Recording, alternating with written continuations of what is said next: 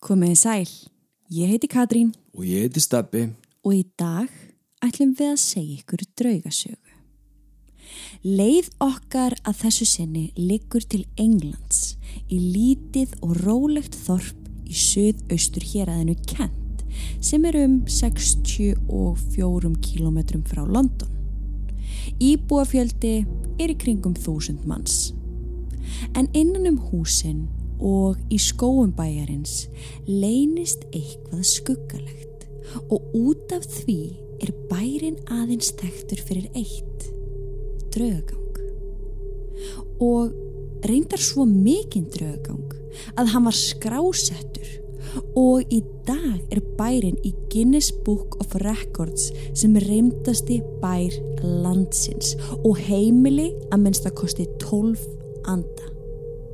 Í dag ætlum við að taka ykkur í ferðalagum bæin og skoða að minnst að kosti sjö drauga og söguna á bakvið þá. Veri velkomin í bæin Plökklei.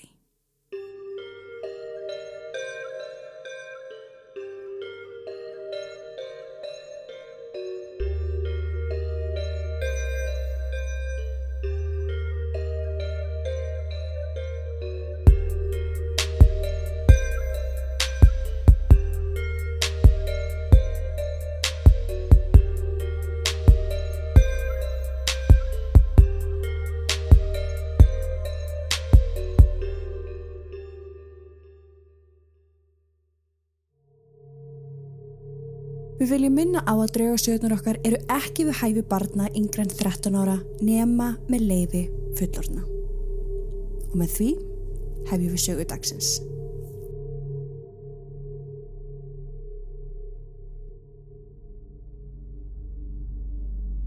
Í dag kom út stór og mikill þáttur inn á Patreon fyrir áskrifendur um rannsókn okkar í Kvítorneskála sem við heimsóttum förstu daginn 4. júni. Út af því hversu veiga mikill sá þáttur er þá verður þessi væral þáttur vikunar í stittri kantinum. En engar áökjur, við vitum að þið þurfið ykkar drauga fix, svo þó hann sé stuttur, þá er hann alveg jafn óhugulegur. Þessi er mjög góður. Við ætlum að byrja á því að skoða söguna um The Highwayman eða þjóðvegadraugin sem er reyndar líka þekktur sem öskrandi maðurinn. Á ákveðnum vegi við ákveðna beigju sem kallast fræt corner eða óhugulega beigjan sérst er reglulega maður. En hver er þessi maður og hver er sagan hans? Það er verðt að taka fram að það eru fleiri en ein saga til um anda þessa manns. En hver svo sem sannleikurinn er, þá fer greinlega ekki á milli mála hann sé þarna með við fjöldan allan af vitnisspurðum og skrásettum atbyrðum. En förum aðeins yfir hugrenningar heimamanna og þeirra tilgáttur um hvernig sagan hans kom til. Robert Du Bois var vegagerðamæður sem starfaði á stúartsvæðinu rétt fyrir utan plökli. Sagt er að hann hafi haft það að vana að liggja í leini við tre á horninu fræt korner. Þar á Robert að hafa beðið eftir því að grunnlausri vegfærendur gengu eða fóru fram hjá horninu og hestum sínum. Þá rændan fólkið og hljóp svo á brott. Bara glæpa maður. Algjör. Þetta átt að hafa gengið nokkuð vel hjá honum og hann gerði þetta í rauninni að auka vinnu sinni, að ræna fólk. Ok, ok. En þetta var líka orðið frekar fyrirsjáanlegt hjá honum þar sem að margir vissu nú af honum þarna í felum á bakvið stóra eikatriði hornið. Eitt kvöldið átt hann eftir að mæta vegfarendum sem ekki voru tilbúinir að taka árásum hans tegjandi, nú eða öðrum þjófum jáfnvel.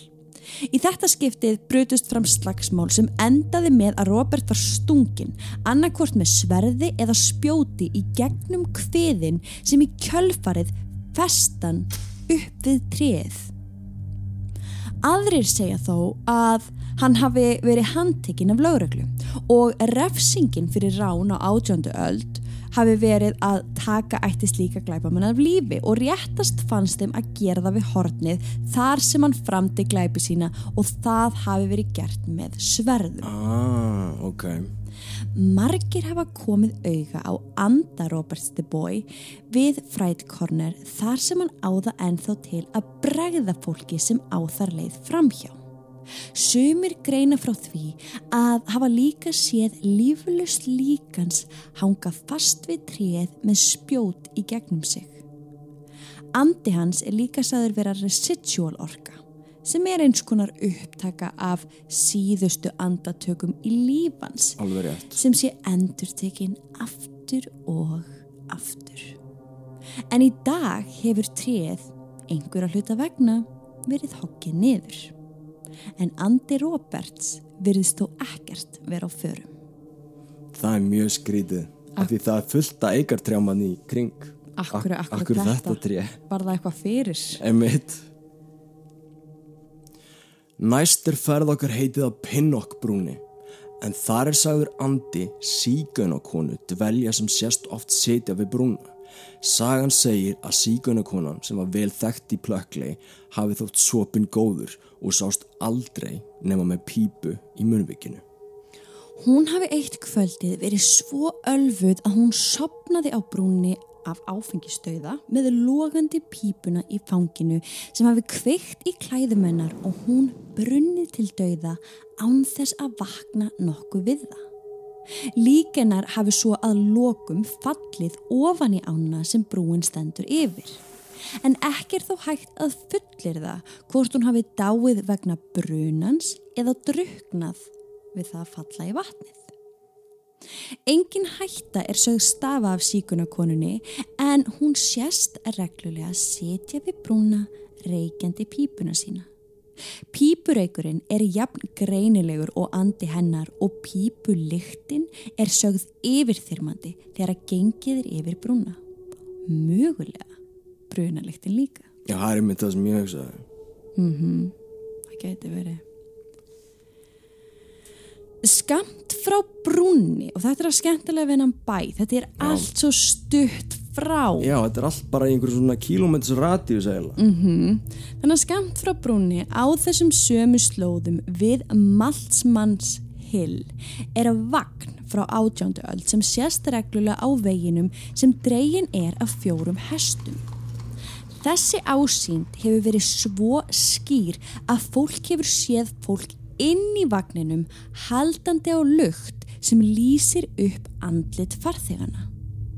Greinilega má heyra í þófum hestana sem eru þar á ferð og allir íbúar plökli hafað minnstakosti einu sinni séð vagnin á ferð um þorp. Vá, Það er magnað. það er hellað, ok.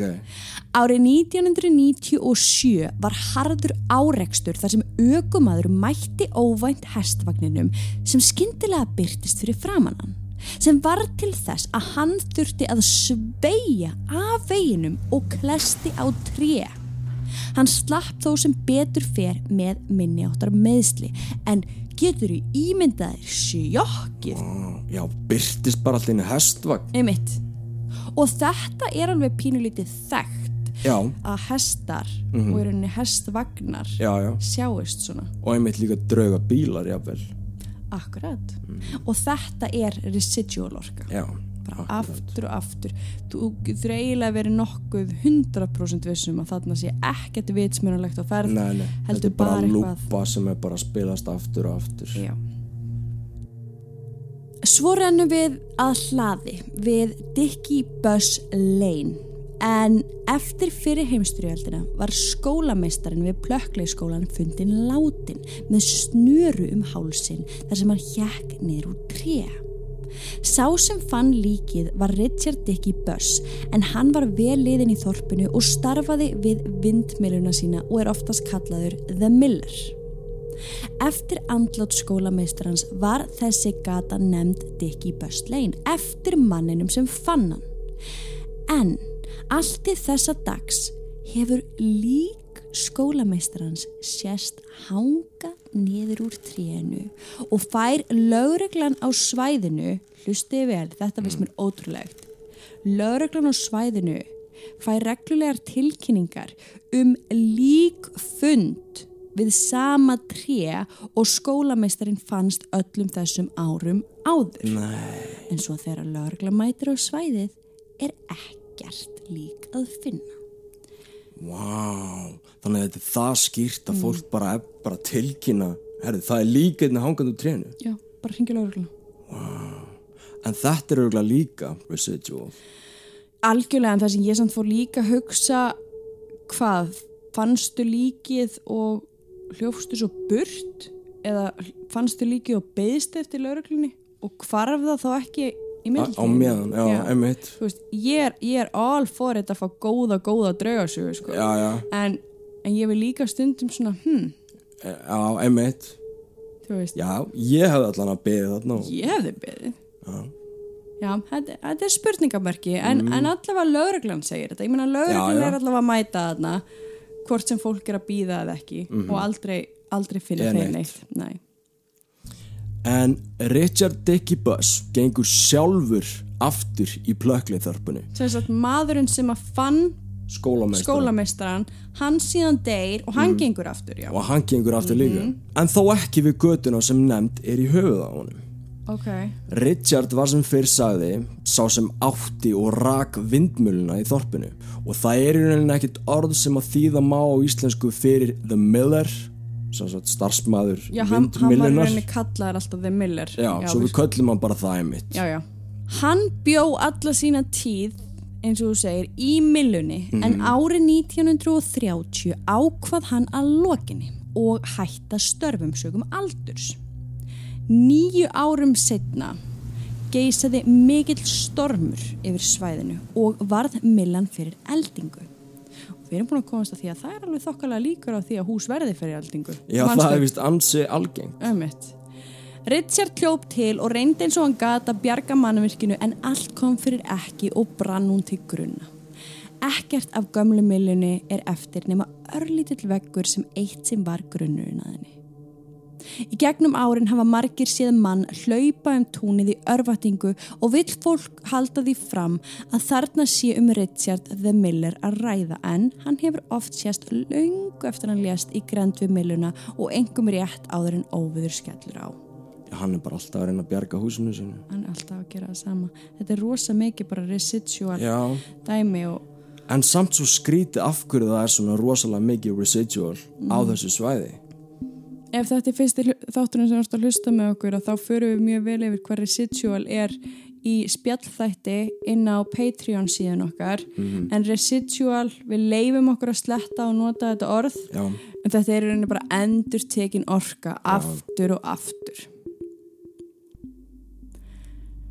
Í bænum stendur svo eitt hús sem kent er við mikinn draugagang en það var byggt árið 1863 og þjónaði klerkum við Seint Nikolaskirkjuna og var eins konar prests og munkaseður. já, það var svona aðsetur svona álgert klustur Já, þar er andi munks sem ráfar um en sagan segir að hann hafi orðið ástfangin af konu í þorpinu. Þau stálust reglulega út á kvöldin og gengu saman um grösugu túnin í plökli. hann mátti örgulega ekkert vera í neinum Nei, nei, nei, nei, Samböndum. nei, alls ekki. nei, Unga konan lést því miður ansi skjótt, dularfullum dauða og fjall munkurinn í djúft þunglindi í kjölfarið. Hann hjælt þó kvöldgöngum sínum áfram því hann vonaðist til að einn daginn mynda loks hittana. En svo var ekki og lést munkurinn einnig aðeins nokkrum vikum eftir dauða konunar. Mögulur ástasorg já, getur verið gæti verið. Munkurinn kvílir þó ekki í friði því hann er enn búsettur við Greystóns húsið. Hann sést líka á göngum í grænd við húsið klættur í þykri brútni hempu með hvít reipi um mitti á sér. Ég leita ástunni sinu. En Greystones er sem sagt nafnið á þessu prestsetri sem hefur á einhverjum tímapunkti líka verið munkaklaustur. Já, já, húsið ymmit, já það heiti Greystóns. Mm Þannig að hann er bara þar að Já. fara ring eftir ring. Svo er það húsið við Róskort uh, en það er talið vera minnstakosti 250 ára gamal. Það var byggt af meðlimi derring fjölskyldunar. ok, En sagt er að þar hafi búið kona sem var hjákona virðulegs manns í plökklei en sá var giftur maður og notuð þau húsi til þess að eiga leynistundir saman. En það var einn hængur á. Sú kona var einnig að halda fram hjá honum með munki í Greistónshúsinu sem var bara skemmt frá. Þannig að þetta er konan. aaa, Þannig að hún var sem sagt með tvo þannig í takinu. Já. Eitt giftan og eitt munk. góð, Já. ok, Sá hafi haft hjarta á huganar allan og hún gæti ekki lifa með sjálfin sér ef hún gæti ekki verið með munknum. já, hann þá væntanlega bara í svona reglu, Já, hann alltaf má ekki vera með henni. Nei, nei, hann má ekki vera með neittni konu, og hún í einhverju ástæðsambandi við henni að gifta mann. já, sem er auðvitað svona ákveð eitthvað kúunar dæmi að því að hann er að leifin að vera í þessu húsi, Já, já, já, þannig að hún er, Já, hún er og- bara í mikill í klemmu þarna, og þegar við segjum um þetta hún hérna hafi látið stula fullum döðdaga við komumst hérna því að hún fannst látin einn morgunin þar sem hún hafi tekið sitt eigi líf með því að drekka eitur sem hún hafi blandað sjálf. Andi hennar er sterkur og dvelur í róskort húsinu og sést hún einmanna og grátandi á göngum húsins og er sögð í leit af ástinni og býður eftir munknum með tárin sem leka neðu kynnar hennar. Ef hún bara vissi að munkurinn væri bara í húsinu skamt frá að gera það nákvæmlega sama og væri leit að henni.